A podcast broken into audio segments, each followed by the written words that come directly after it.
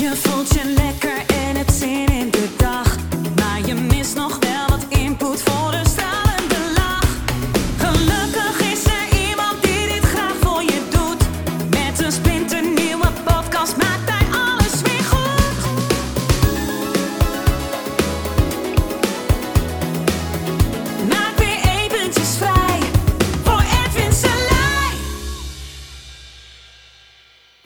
Hallo ladies and gentlemen en welkom bij de Kom uit Hypnose podcast. Om uit hypnose te komen neem ik je iedere ochtend mee ehm, in de les en cursus in wonderen.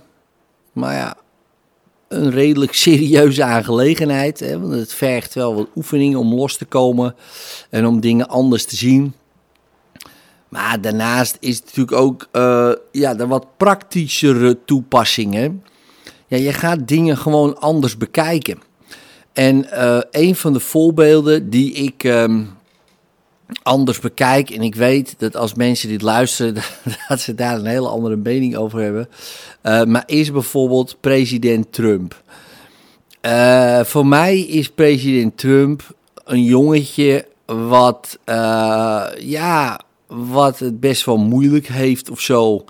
Ik zie de onschuld van hem. En ik, ik moest lachen gisteren, want ik las een stukje in de Volkskrant over eh, dat hij eh, vals speelt eh, tijdens golven. Dus hij liegt over alles. Dus, dus een biografie is opgetekend. en iemand dacht van, nou ja, weet je, ze zullen wel een beetje overdrijven. Totdat hij het zelf zag. Hij schopt gewoon letterlijk het golfballetje ja, uit moeilijke plekken vandaan en gaat dan golven. En, ehm, en nu president, of was dan, had hij daar mensen voor die die golfballetjes schopten. En ik vind dat aan de ene kant, ja, je kan er heel veel dingen van vinden, hè, natuurlijk. Ehm, maar ik vind het een soort van aandoenlijk. En dat vinden heel veel mensen misschien niet. En denk, ah, die man in de 70, weet je wel, hij, hij heeft echt gewoon heel moeilijk met zichzelf of zo. Ehm, en ja, dan, dan kijk ik daarnaar en dan, en dan glimlach ik. En dat is wel een, een soort idee ook van de cursus, dat je op een gegeven moment overal de onschuld van inziet. Je snapt, nou ja, waar het vandaan komt, is misschien overdreven, want in principe zou je kunnen zeggen, het is een verhaal wat jij creëert. Dus je zou zeggen, het komt bij jou vandaan. Maar ja, als je daar dan weer op doordenkt, is het dus eigenlijk helemaal niks. Maar laten we even bij ehm, de onschuld blijven. Ja, je snapt gewoon waar het vandaan komt of zo. In de zin van een verhaal. Als wij zo opgroeien, eh, als wij zo zouden opgroeien, zouden we ook zo zijn. En dat is iets wat ik, eh, wat ik interessant vind. Ehm, wat ik ook heel mooi vind, en ja, jij bent daar misschien niet van. Ik keek vroeger eh, veel karate, of veel, ik keek Karate Kid heb ik gezien. Misschien ken je die film ook wel.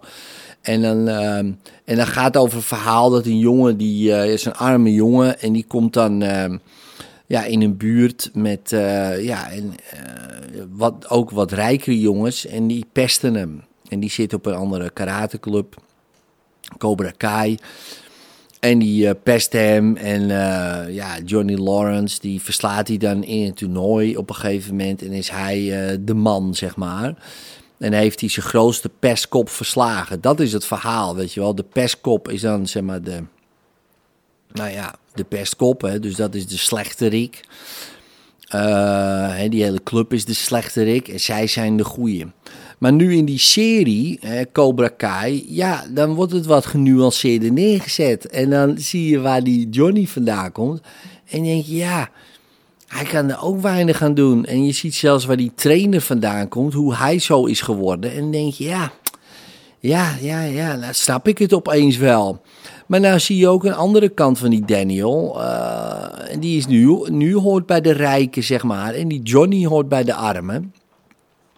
En opeens lijken de rollen wel een beetje omgekeerd.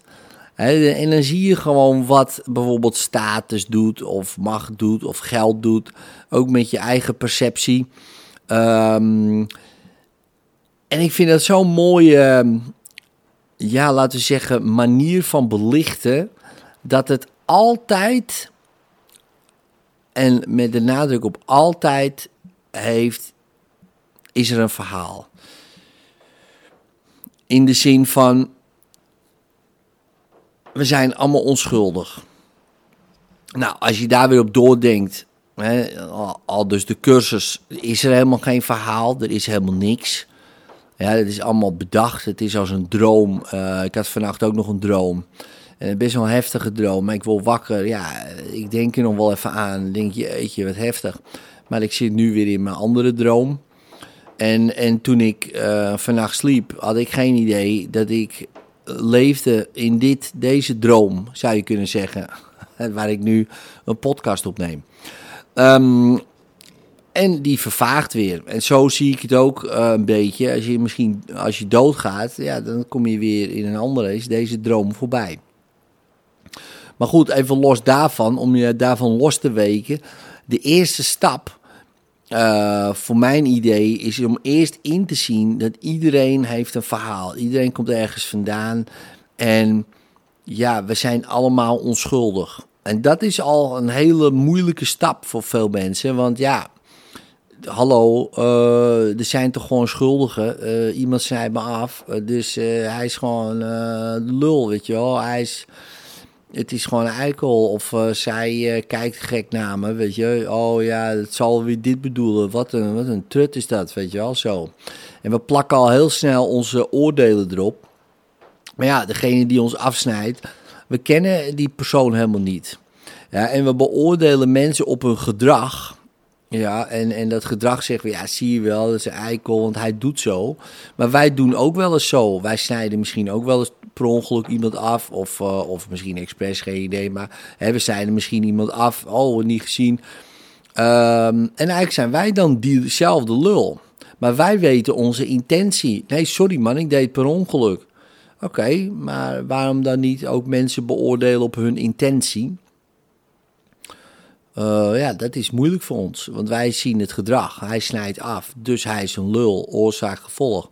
Maar ja, hij snijdt misschien per ongeluk af, net als dat wij misschien wel eens doen. Oh, en dan? Is het dan nog steeds een lul? Nee, ja, dan niet. Hij kon er niks aan doen. Oké, okay, maar hij doet het expres. Ja, dan is het wel een lul. Ja, maar wat nou als hij zo hè, een verhaal heeft, een opgroeien en weet ik het allemaal.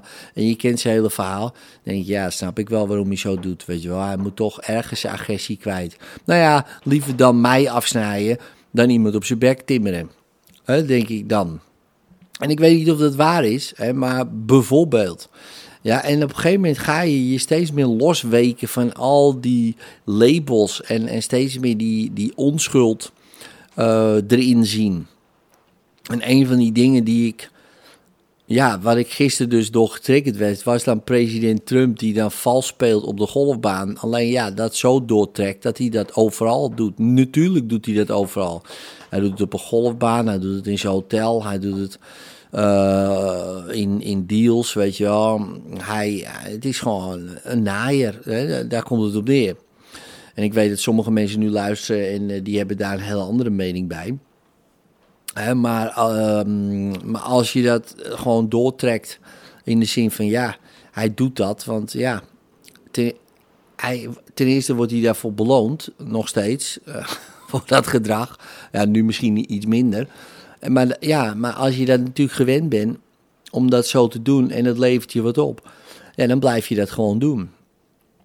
En uh, ik zie daar wel de onschuld van in. En ook wel het kleine jongetje wat, wat nooit is opgegroeid. Het pestkopje wat, wat nooit echt groter is geworden. En dan kan je zeggen, ja, lekker makkelijk, weet je wel. Maar het is nou een oudere man. Ja, maar misschien een hele oude man. Misschien qua leeftijd. Maar ja, voor mij is het gewoon een klein jongetje... wat het niet helemaal begrijpt hoe je met mensen omgaat. Nou ja, jij kan daar een hele andere mening over hebben. En dat is mij helemaal prima natuurlijk. Hè, maar als je daar weer op doordenkt, hè, over jouw mening, maar ook over mijn mening. Uh, er is helemaal geen Trump, er is helemaal geen verhaal, er is helemaal niks. ik besta ook niet, jij bestaat niet, er is helemaal niks. Dus, dus vanuit dat gezien is niks. Maar ja, die stap is vrij moeilijk te maken, vind ik tenminste, hè, om dat helemaal los te maken. Dus om mezelf los te weken, en misschien heb je daar wat aan, is om te beginnen om in iedereen gewoon onschuld te zien. Weet je wel, van oh ja, weet je. En daar komt volgens mij ook de term vandaan, vanuit de Bijbel, heer, ze weten niet wat ze doen. Weet je wel, vergeef ze, ze weten niet wat ze doen. Want ze weten ook niet wat ze doen, maar wij weten ook niet wat we doen. Weet je wel, en als je ziet, als je die onschuld kan zien van mensen, van ja, ze hebben allemaal een verhaal en ze doen maar wat eigenlijk. Ja, dat is de eerste stap. En de tweede stap is dan, zeg maar, ja, er is geen verhaal. Maar goed. En dat soort dingen helpt. En het nieuws uh, kan je daar dan bij helpen. En, uh, want dat is best wel heftig om dan in te zien. Zeker als er, hè, want het is altijd negatief uh, nieuws, hè, geladen. Hè, zo, zo zou dat wel kunnen bestempelen. Um, om in te zien van ja, deze mensen zijn allemaal onschuldig. Nou, probeer dat maar eens. dat is echt wel heftig. Weet je wel. Maar als je dat kan, ik denk dat dat een goede eerste stap is om te doen. Hè, naast de lessen en zo. Uh, die je volgt. Om helemaal los te komen van je eigen ideeën en denkbeelden. Want in principe, hè, als alles één is. Ja, wat heb je er dan aan om iemand als schuldige aan te wijzen? Want dan wijs je eigenlijk jezelf aan. Ja, dus. Um, nou, nou ja, goed. Doe je voordeel mee. En. Uh, tot de volgende keer. En vond je deze aflevering tof? Geef dan even een duimpje omhoog of een 5 sterren review met een leuk verhaaltje erbij. Zou ik super tof vinden en abonneer je op dit kanaal zodat je de volgende podcast zeker niet mist. Later!